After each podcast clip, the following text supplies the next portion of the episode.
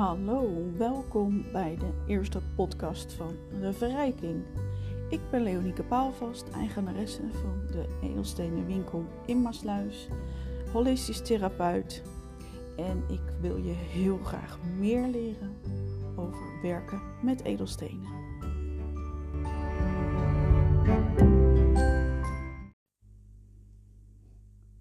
Wat er achterblijft Vandaag in deze podcast wil ik graag met jullie hebben over de emoties.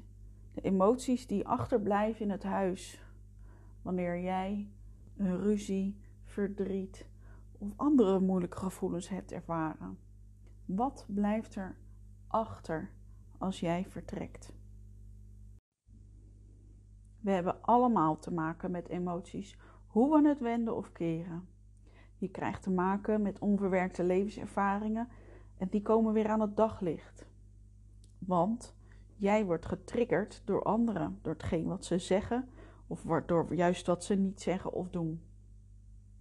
En wat gebeurt er dan als die trigger jou raakt? jij wordt als het ware aangeraakt door een situatie. En het verhaal uit je jeugd gaat zich opnieuw afspelen. Zo'n verhaal wordt als vanzelf gekoppeld aan het heden. Want de gedachte of het gevoel dat je ooit eens had, komt weer naar boven. En die ervaringen zijn meestal niet de meest prettige en succesvolle verhalen om te willen herhalen, maar zitten als het ware in je hersens gesleten, vastgezet. Wat moet je dan?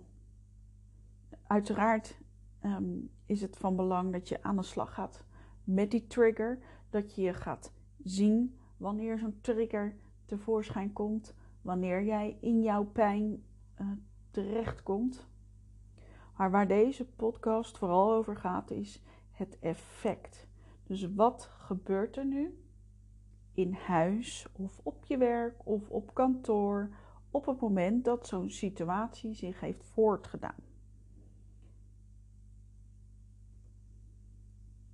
Je komt dan, um, eigenlijk komt er dan heel veel energie vrij. Dat zul je zelf ook wel, hè, als je terugkijkt, wanneer er bijvoorbeeld sprake is van een ruzie, dan komt er gewoon heel veel energie vrij.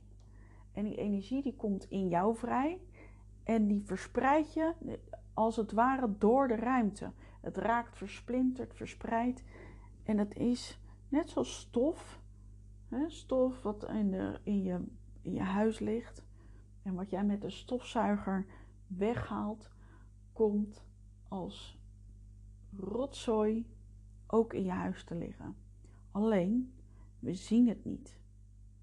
Maar wat we wel doen is het voelen. Want wie heeft er nou nog nooit een sfeer geproefd? Dat, is wel zo'n klassieker. Het sfeerproeven in huis. Dat doen we allemaal. Je komt bij je vrienden langs of je stapt eens in een winkel en dan voel je eigenlijk direct wat het met jou doet. Zo kan ik me herinneren dat ik, uh, nou is misschien wel een jaar of tien geleden met mijn moeder een kledingzaak naar binnen ging. We wilden gezellig samen nieuwe kleding aanschaffen. En wij stapten binnen en wij waren misschien twaalf seconden binnengestapt toen zei ik tegen mijn moeder, ik zeg, nou, het voelt hier helemaal niet prettig. En toen bevestigde zij dat ook nog eens. Zij zei, ja, ik voel het ook. En binnen 30 seconden stonden wij gewoon weer buiten. Omdat er gewoon een hele vervelende, gespannen sfeer uh, heerste. Ja, en wat doe je dan als er een gespannen sfeer is? Dan ga je, ga er, als je een keuze hebt, zeker als het om kleding dragen en kopen gaat. Ja, uh, I am out of there. Ik ga daar niet in zitten. Dan kom ik wel een andere keer terug of ik ga in dit geval een optie naar een ander filiaal. Nou ja, en dit wat er plaatsvindt in een winkel, want ook daar kunnen spanningen en ruzies en allerlei moeilijke situaties, hè, zoals financiële zorgen, zeker nu met de lockdown, hoeveel winkeliers, ondernemers hebben zorgen. Ik denk dat er weinig zorgeloze ondernemers zijn op een moment. Dus, maar dat is thuis, heb je dat natuurlijk net zo goed. Thuis kom jij ook als, in mijn geval als ondernemer, eh, maar ook als werknemer, als jouw werkgever zorgen heeft, kom jij ook uh, thuis met een situatie waarin je niet helemaal weet hoe het gaat. Um, je hebt misschien wel um, zorgen over um, dat hij of zij onaardig tegen je heeft gedaan vanuit die aanleiding. Nou ja, en zo zijn er zoveel verschillende redenen waarom iemand zo, zo kan gedragen. Dus super belangrijk. En dan heb ik het nu nog alleen over de basale huisreiniging. Dus de eigen stofzooi in de energie die jij, je partner, je kinderen, je huisdieren creëren. En zelfs visite kan rotzooi achterlaten. Stel je hebt een vriendin die heeft een depressie, burn-out, relatieproblemen en zij deelt haar zorgen met jou. Dan komen er bij haar allerlei emoties vrij. En op het moment dat die emoties vrijkomen, is zij aan het eind van het ritje opgelucht. Wellicht heb jij zelfs wat van die gevoelens opgepakt of overgenomen als je hooggevoelig bent. En het resultaat is dus dat er op die bank rommel achterblijft. En daar zit jij dan mee. En misschien ga jij gezellig s'avonds op de bank een boekje lezen en dan stap jij in die stofwolk. Misschien kan jij jezelf wel eens voorstellen wat dat zou betekenen als jij in die stofwolk van een ander gaat stappen. Ik raad het je niet aan. En zoals je mij eigenlijk al hoort vertellen, is dat niet alleen de ruimte van belang is om op te schonen, maar ook je eigen energetische veld, jouw aura, hè, jouw space, de energie die jij uitzendt en uitstraalt. Het is een wolk die om je heen hangt. Sommige mensen kunnen ook aura's zien, die zien de kleuren ervan. En als een, dan heb je nog mensen die aura's echt gaan lezen, dus die gaan dan nog dieper op de stof in en die kunnen ook nog achterhalen wat er precies gaande is. Nu is het achterhalen van wat er in dat energieveld voor de ander in principe niet, totaal niet interessant, tenzij ze jou van dienst willen zijn. Dus je hoeft je daar uh, geen zorgen over te maken van hé, hey, um, ik voel me somber, ik maak me zorgen, nu kan iemand dat zien. Vergeet dat de ander ook met zijn rommel rondloopt. Maar wat je wel kunt doen, is net zoals met douchen, een stukje van je energie afspoelen. Dat is een manier die heel prettig kan zijn. Hel is niet voor iedereen even goed passend. Een douche pakken en daarmee um, de energie loslaten. Andere methode is dus ook weer, net zoals met je huis, de energie in de ruimte. Zo ook de energie van jezelf te zuiveren. Nou, daar zijn een aantal hulpmiddelen voor, zoals ik al aangaf. Ehm, kun je ook diezelfde producten gebruiken voor de energie in je huis. Als we dan nog een stapje verder gaan, want nu heb ik het alleen nog maar gehad over de rommel die jij, je gezin, je collega, je huisdieren ehm, en je vrienden die op bezoek komen achterlaten. Maar dan is er nog een ander segment. Dan heb je ook nog de energieën die achtergebleven zijn, die overleden zijn. Um, dat worden ook wel eens entiteiten genoemd. Nou, entiteiten, dat kunnen, dan heb je ook nog gidsen, uh, engelen, andere begeleiders. Nou, die laatste groep, dat zijn natuurlijk energieën die je helemaal niet uit je huis zou willen bannen. Maar dat zijn mensen die jou ondersteunen. Mensen die het beste met jou voor hebben. En dan zijn, is er het beste met jou voor hebben. Scheelt natuurlijk in gradatie of het engelen zijn of overleden familieleden. Engelen hebben, geen, hebben en kennen geen ego. Familieleden hebben nog wel hun eigen trauma's en ervaringen die ze mogen uitwerken door onder andere jou te ondersteunen. Daarmee kunnen ze ook nog hun eigen wil opleggen. Dus daar zit nog wel een verschil in.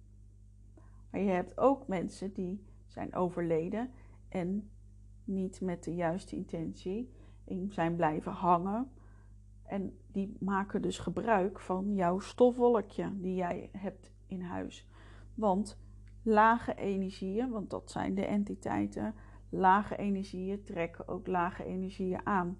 Dus als jij een, een ruzieveld in je huis hebt gecreëerd, dan is dat voor een entiteit een hele fijne plek om zich te manifesteren. Nou, dat zijn dan vaak plekken waarbij je in huis het gevoel hebt, um, een onheimisch gevoel zeggen ze dan. Dus een onheimelijk gevoel. Een plek, een ruimte, een kamer die iedere keer als je daar komt gewoon niet aangenaam aanvoelt. En daar kun, kan dus zo'n energie zich manifesteren. Ook voor dat soort uh, plekken kun je um, in eerste instantie zelf met Sali aan de gang gaan. Um, je huis te zuiveren. Maar bij twijfel is het altijd goed om hulp in te schakelen van derden. Met Sali werken is iets waar je met de juiste intentie mee bezig moet zijn. Het is een heel ritueel. Het komt, het komt ook vanuit de rituele gebruiken, vanuit de, oer, uh, de, de oerachtige rituelen. Dus vanuit de Indianen, die veel meer verbonden zijn met het universum. De Peruanen, dus de shamanen, die hebben we natuurlijk in Zuid-Amerika. Dat zijn allemaal natuurgebonden mensen. De heksen, ook mensen die zich heel erg verbonden hebben met de natuur. En zij zijn dus ook veel meer bewust van dat wat er plaatsvindt tussen hunzelf en hun omgeving, tussen hunzelf en het universum. Zij laten zich ook inspireren, dus zij krijgen informatie vanuit die bron.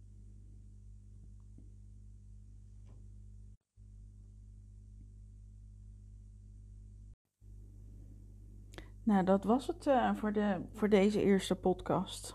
Ik hoop dat ik je heb geïnspireerd, dat je meer bewust bent geworden van het feit wat emoties met je huis doen, wat de emoties met jou doen. En dat het heel erg belangrijk is om niet alleen je huis met enige regelmaat huishoudelijk schoon te maken, maar ook energetisch.